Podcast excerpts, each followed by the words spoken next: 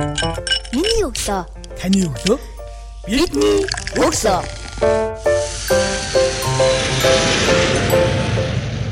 Сонсогчтанд шинэ 7 хоногийн өглөөний мэндийг хүргэж байна. Миний өглөө зураг подкастын шинэхэн дугаар сонсогчтанд хүрч байна. Танд өглөөний мэнд хүргэе. За баярлалаа. Тань ч гэсэн өглөөний мэд хүргэе. За сонсогчтой ихтэй өөрийгөө аюулаа танилцуулъя. За намайг Долгор сүрэн гэдэг хуульч өмгөөлөгч. За таны өглөө хэрхэн яаж эхэлдэг вэ?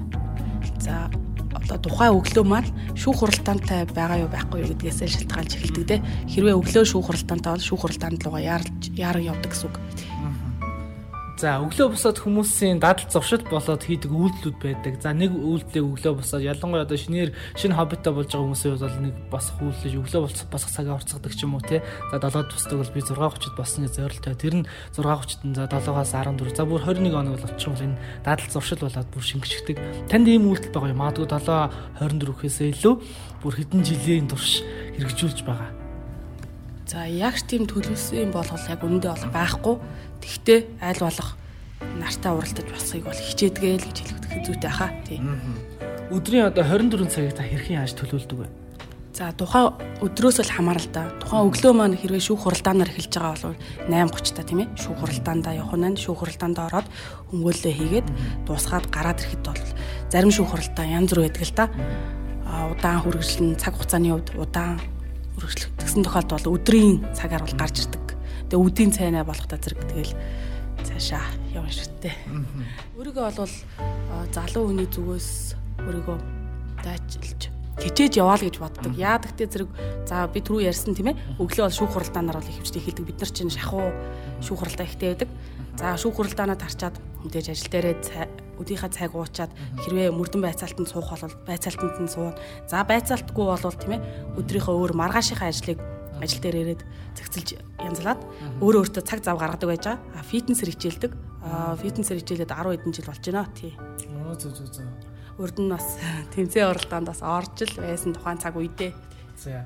Тэгэхээр чи фитнесээр хичээл тэгэхээр бас тодорхой хэмжээ өдөртөл нь 2 цаг үл явчихж байгаа юм тест. Тэгвэл яг уу 7 хоногт бол 2 цагийг бол доор хаяад 2 цаг бол өөртөө зарцуулдаг. А үүнээсээ эрч хүч аваад цаа цаашдынхаа эрч хүчээ бол спортоос авдаг гэж бол ойлгож болно. Тий.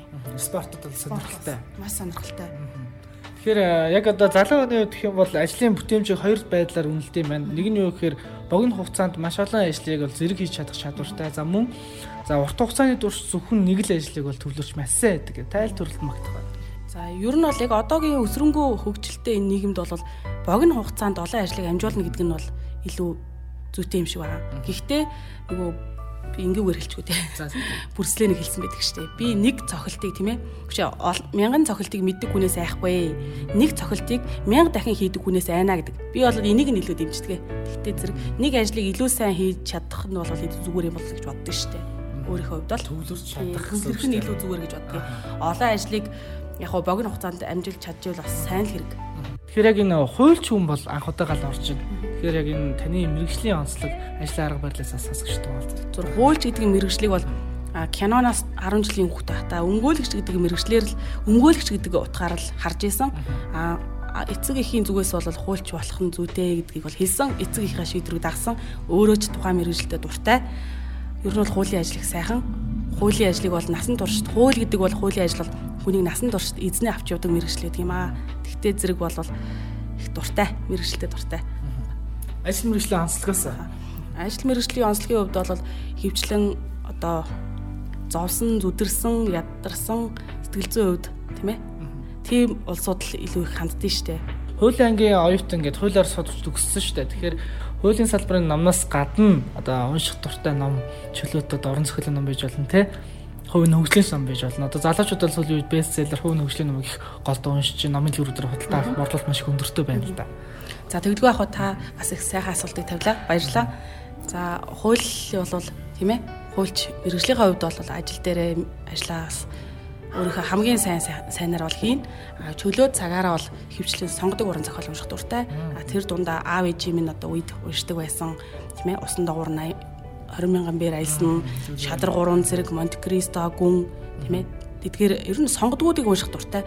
Одоо сүүлийн үед бол нэг үеэ ботход сонгодог зохиолуудыг шинэ хэвлэлээр гаргаад хавц дизайны хувьд бас шаардлага хангаад их гаргадагч болж залуучууд бас түүнийг уншиж сонирхон уншдаг болж миний зүгээс бол одоо сонгодог зохиолууд хөвчлэн одоо бол уншиж байгаа гэж ойлгож болно. Хамгийн сүүлд ямар ном уншиж байна? За хамгийн сүүлд бол юуг уншиж дууссан.